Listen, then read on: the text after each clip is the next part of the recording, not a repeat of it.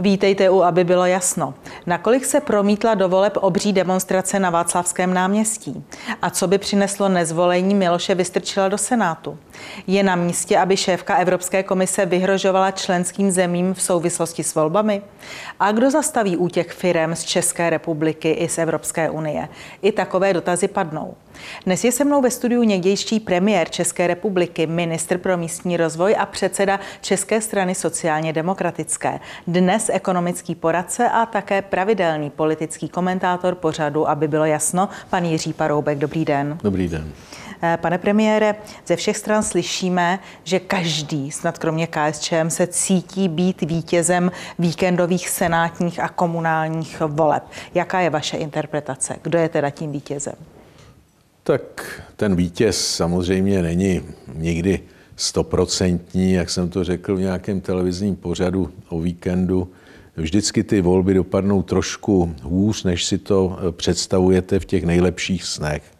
Takže jestli si hnutí ano představilo v nejlepších snech, že prostě to všechno převálcuje, tak eh, sice to vítězství bylo veliké, 18 postupových míst, do druhého kola senátních voleb, eh, velká města, velký úspěch, největší počet eh, hlasů, protože díky těm tomu, že kandidovalo hnutí ano především v těch velkých, velkých městech a největších městech a v celku úspěšně. No ale mm, samozřejmě, když budu chtít hledat u těch dalších stran, tak vždycky něco najdu, co je pozitivní. Lidovci říkají, my máme největší počet mandátů, mají pravdu, mají něco přes 3 tisíce mandátů a ještě v polovině 90. let jich měli 8 tisíc. Stan, pokles mandátů, ODS, nějaký pokles mandátů, ale to je dlouhodobá záležitost, čili všechny vládní strany ztratily.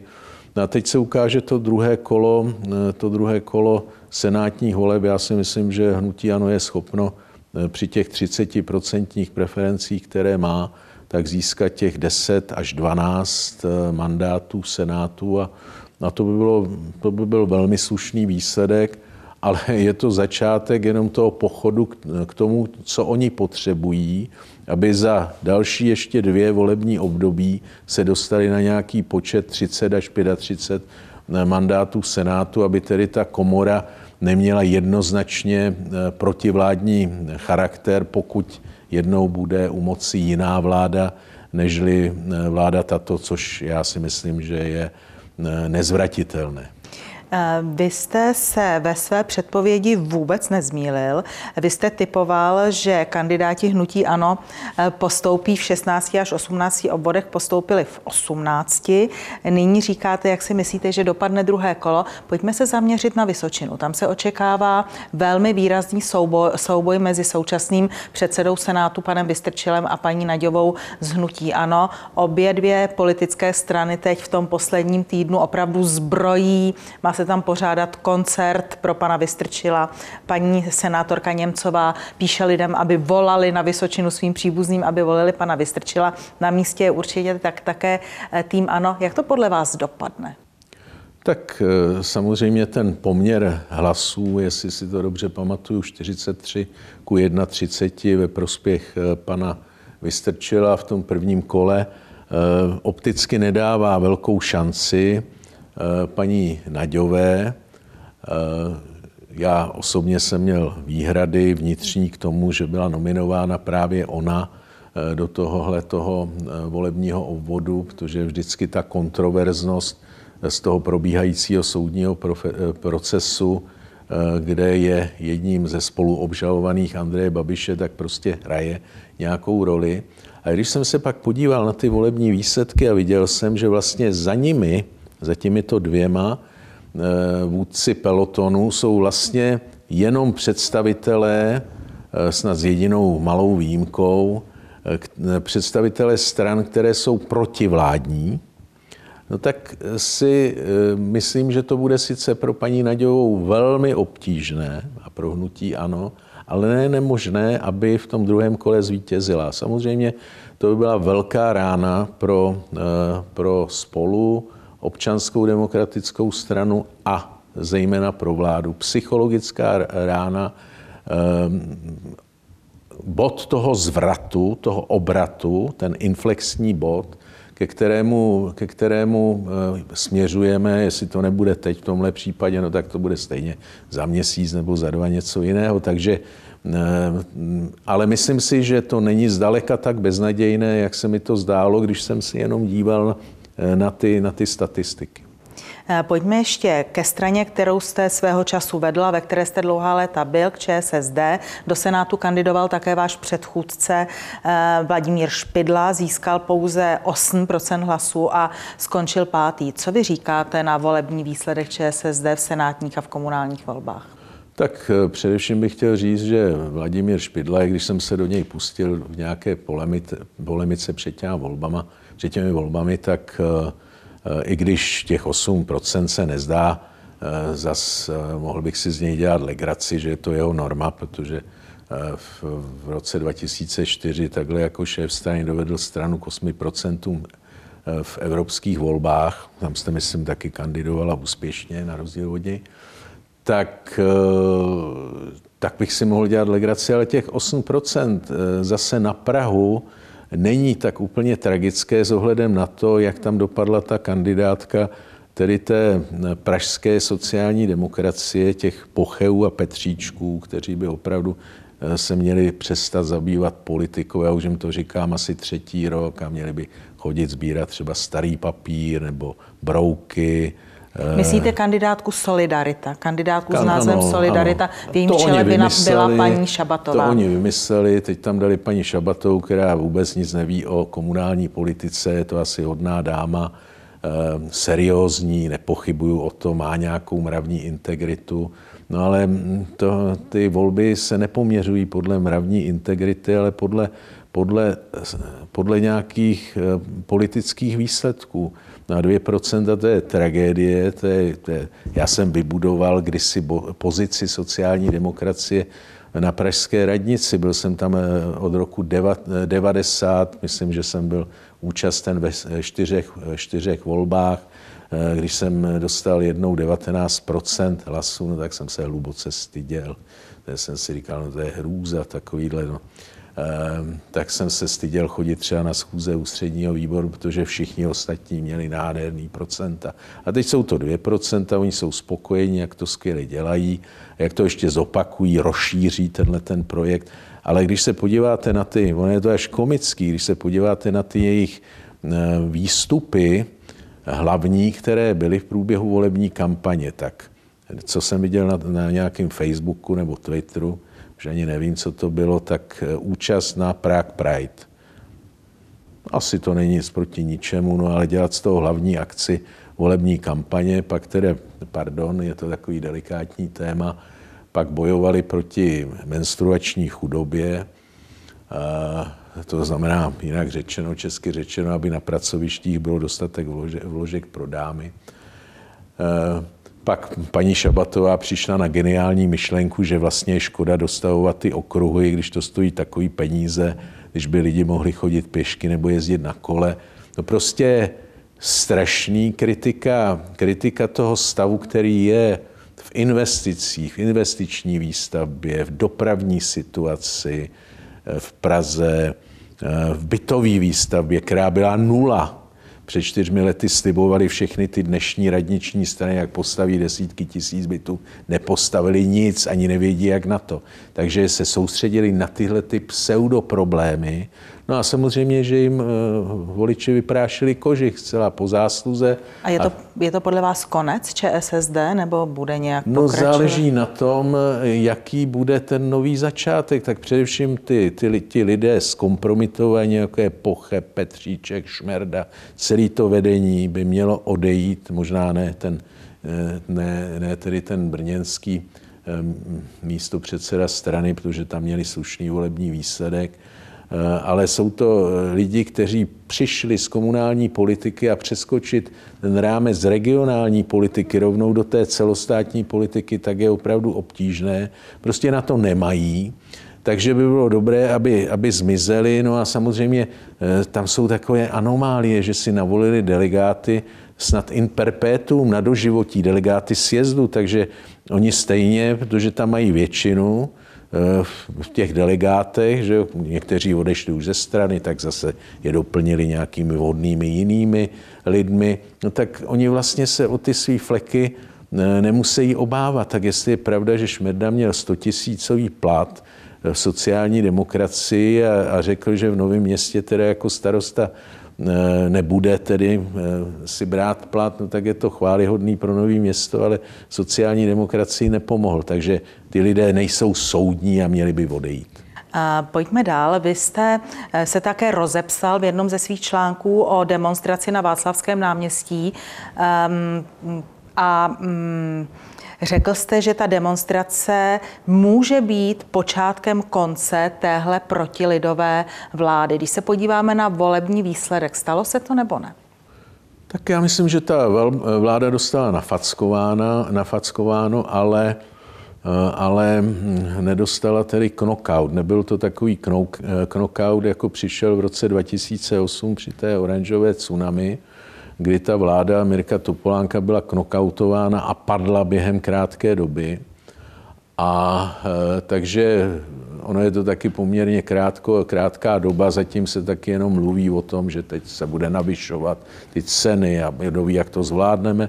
No ale ty faktury ještě lidé nezaplatili za ty vyšší ceny, e, vyšší ceny plynu, elektřiny, e, takže, takže mm, my jsme na počátku té krize, takže si myslím, že teprve, teprve v těch dalších měsících se ukáže zmatený minister průmyslu, který něco říká.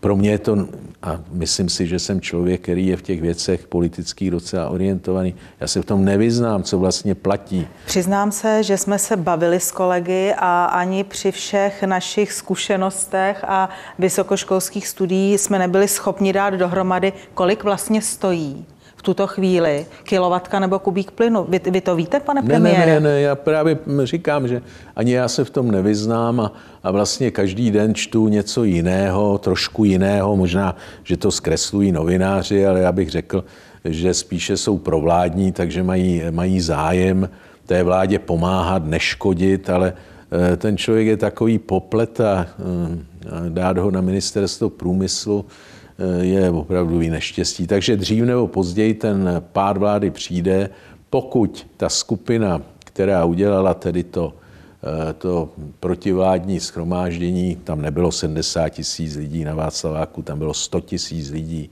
a možná víc.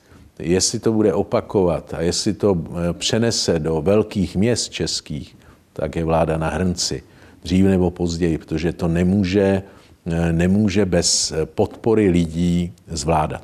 Říkáte, je vláda na hrnci, nicméně teď volby do Senátu, alespoň po tom prvním kole, eh, dopadly tak, že se, eh, že se zastánci nebo představitelé té mimoparlamentní scény, kteří se zúčastní těch demonstrací, až tak neumístili, až tak nebodovali. Tak jakým způsobem by se mohla vláda, pokud tedy eh, nejsou na obzoru mimořádné volby, jakým způsobem by se mohla podle vás dostat takzvaně na hrnec? Lidovými bouřemi nebo čím? Já si myslím, že to předpokládám, že, že tohle to bude pokračovat, protože podívejte, eh, průzkumy veřejného mínění jsou jasné.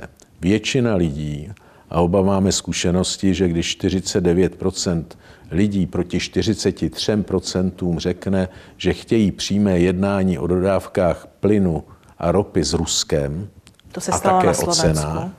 No ale tohle je, to jsou čísla u nás tak na Slovensku tam udělali průzkum, co, jak to teda vidí ti, ti slovenští občané, komu teda fandí, když to řeknu takhle, jestli Ukrajině nebo Rusku, tam fandí Rusku.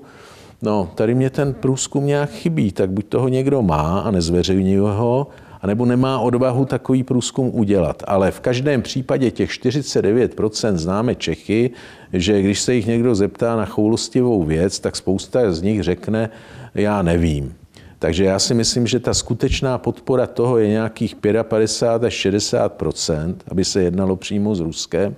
No a to by, to by e, nám pomohlo vrátit tedy ty ceny plynu na tu, na tu úroveň, která, e, která, která byla před dvěma lety. Ale toho ta vláda vůbec není schopná. Takže když na lidi udeří tedy ty, ty zničující, zničující faktury za energii, Víme všichni, kolik stojí pohonné hmoty, víme všichni, že se zvyšují nájmy. Teď objevili nějakou rodinu, která, která bydlí která bydlí v Kunratickém lese. Těch rodin bude při, při, přibývat v tomhle směru.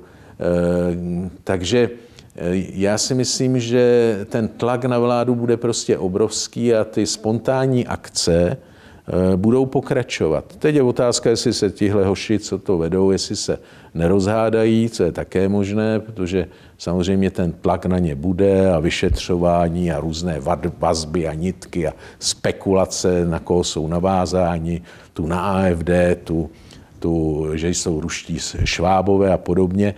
Takže mm, to jsou samozřejmě nesmyslné věci ale e, myslím, že ten tlak lidí přinutí tu vládu korigovat tu politiku a, a dřív nebo později prostě přijdou takové problémy, které nebude schopná ta vláda zvládnout.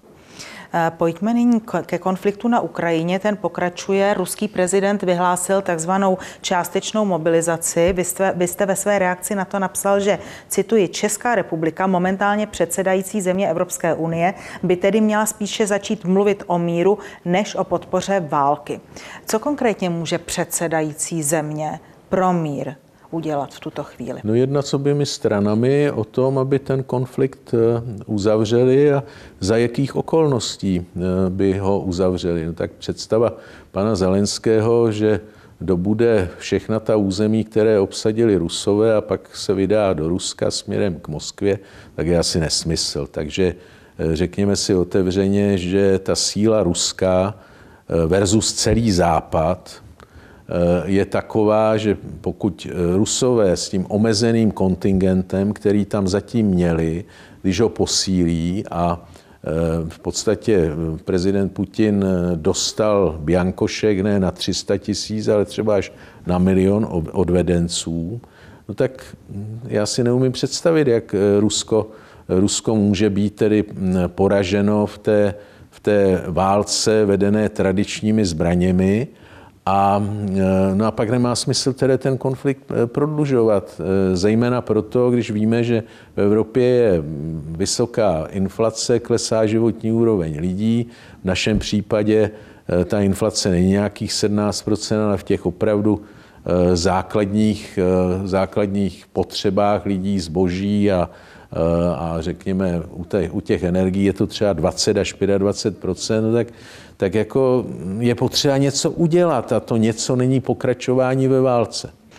Ale co se nyní děje, eh, je, že prchají nebo začaly prchat eh, z Evropské unie firmy. A to i velké firmy, výrobci ocely, výrobci hliníku, velké chemičky a oni utíkají před obrovskými cenami energií, ale samozřejmě také před tou nejistotou, kterou vyvolává ten válečný konflikt. Co podle vás bude s českým průmyslem, kdy už slyšíme, že také Škodovka by mohla respektive Volkswagen by mohl odejít a co bude s evropským průmyslem? Jak se na to díváte? Tak samozřejmě, že ti lidé, kteří řídí Evropskou unii, tak to jsou politici druhého, třetího řádu upřímně do, té, do těch funkcí v těch, eh, těch eurokomisařů byli většinou ti politici odloženi. Nikdo tam nešel z těch opravdu špičkových politiků a podle toho, podle toho taky tu politiku provádějí. Oni, oni nedokáží anticipovat ten vývoj, ke kterému nutně dojde, protože jestli levné suroviny bude mít eh, Indie a Čína, no tak velká část toho průmyslu se přesune tam. Pokud budeme dovážet eh, čtyřikrát dražší, eh, dražší energetické suroviny než tyhle země, eh, a nejen asi tyhle země, no tak, tak ten, ta konkurenceschopnost toho evropského průmyslu a českého průmyslu zvlášť bude, bude špatná. My jsme naváž, navázáni silně na německou ekonomiku. Německá ekonomika jde do recese, Jo? Tak ona teď vykazuje nějaký mírný růst, ale když, bychom, když bychom si od toho odpočetli, odpočetli inflační nějakou, nějaký nárůst, tam je v Německu nějakých 8-9%, no tak je to vlastně pokles. No a teď půjde přímo už do recese a to se promítne i na tu subdodavatelskou ekonomiku, kterou je ekonomika česká velmi nepříznivě. Takže dřív nebo později prostě dojde s nějakým spožděním menším několika měsíců, dopadne ta recese i na tu českou ekonomiku. Pane premiére, já si myslím, že vláda určitě zná čísla a že si musí být vědoma tváří v tvář válečnému konfliktu a tváří v tvář stoupajícím cenám energií i odchodům firem, protože o tom se normálně píše, to není nic, co by bylo, eh, co by bylo tajného, tak si musí být vědoma vážnosti té situace. Proč podle vás nemění svou politiku? Tak jednak je ideologicky determinovaná, jednak bohužel nehájí český národní zájem. Eh, mně to připadá, že hájí, eh, hájí zájem některých, některých podnikatelských a zájmových skupin ve Spojených státech, tak jestli tady chceme dovážet za desítky miliard 24 eh, fantomů, letadel, bojových stíhaček, které jsou schopné, schopné nést rakety s jadernými zbraněmi, no tak já nevím, jestli potřebujeme k vedení obrané války ve, mít takovéto zbraně, které nás budou stát třeba 80, 100 miliard nebo 100 miliard korun. Já to nevím a samozřejmě k tomu ještě servis, prodlužování těch leteckých, eh, letových eh, drah na letištích. Takže, takže ta, ta vláda se chová úplně, úplně iracionálně, zvyšovat výdaje a snižovat de facto příjmy rozpočtové, to ještě má štěstí, že ty rozpočtové příjmy jsou z části ovlivněny tou vysokou inflací, ale to dělala všechno proto, aby těch šest měsíců se, se s tím obyvatelstvem a s těmi firmami o ty mm, zvýšené příjmy nepodělila, aby je měla pěkně schované eh, na, na nějakou dobu, nevím na jakou. No, teď vidíte fiskálně, že jo, tak letos to bude něco kolem 300 miliard, tedy Eh, schodku v příštím roce, to už dneska víme, že to bude skoro 300 miliard, takže někde mezi 300-400 miliardami korun. Ta vláda, vláda to prostě nezvládá vůbec v ničem, takže, eh, takže akorát eh, snad jenom v tom, že tedy je první mezi těmi evropskými zeměmi, kromě Pobaltí a, a z části Polska, kdy v těch dodávkách zbraní na Ukrajinu, tam jsme promptní. Kdyby to byly aspoň naše zbraně, tak by to mělo nějakou logiku. Ale to jsou jenom z části, takže mm, je to špatně. Pane premiére, poslední otázka. Vezměme si čtyřčlená rodina. Oba dva pracují, mají průměrný příjem, žijí na, žijí na sídlišti v bytě, v bytě 3 plus 1. Na jedné straně teď tu máme obrovské zdražení, nikdo neví, kolik budou stát energie. Na druhé straně je zde ale zase ze strany vlády snaha zastropovat, i když nikdo neví jak, jakýsi dešník proti drahotě, kdy lidé mohou chodit a říkat si o sociální dávky. Eh, jak podle vás přežije taková rodina letošní zimu? No tak jak jsem to napsal jednomu svému kamarádovi, který, eh, který kterému vadilo jen tak mimochodem, že jsem šel na nějaké schromáždění v Brně, schromáždění Solidarity a komunistů, kteří tam kandidovali společně, tak jsem je šel podpořit, protože jsem si říkal, že by snad mohli mít nějakou šanci v těch volbách uspět, nakonec to dopadlo špatně. Tak mě napsal, že nepřijde na nějakou moji oslavu, že neví, co by si se mnou říkal. Člověk, kterého znám 64 let, No tak jsem mu napsal, že teda mě taky nevadí, že volil ty strany, který, které zavedly tuhle zemi do situace, že v zimě, když se budeme chtít ohřát, tak si budeme muset jít nazbírat čišky a roští do lesa. Takže v některých případech to bohužel takhle dopadne, protože ti lidé, pokud eh, budou mít, eh, pokud bude vysoký, pokud jim skončí třeba fixace, eh, kterou mají na, na plyn, a zvýší se jim cena pětkrát, desetkrát, no tak to přeci nemůž, nemůžou unést. Takže ta rodina na tom bude velmi špatně a doufám, že ne, ne tak, jako ta rodina, eh, co, co měla i problémy s nájemným, eh, takže zmizela někde bivakovat do Kunratického lesa. Takže pokud víme, že v téhle zemi už dneska eh, každé osmé dítě nemá na oběd, no tak je to alarmující. Je to alarmující a nevím tedy, proč jsme zvonili tehdy těmi klíči, protože já jsem si představil, že budeme mít společnost hojnosti a ne společnost, kterou, kterou s odpuštěním řídí blbci. Já vám děkuji, že jste přišel.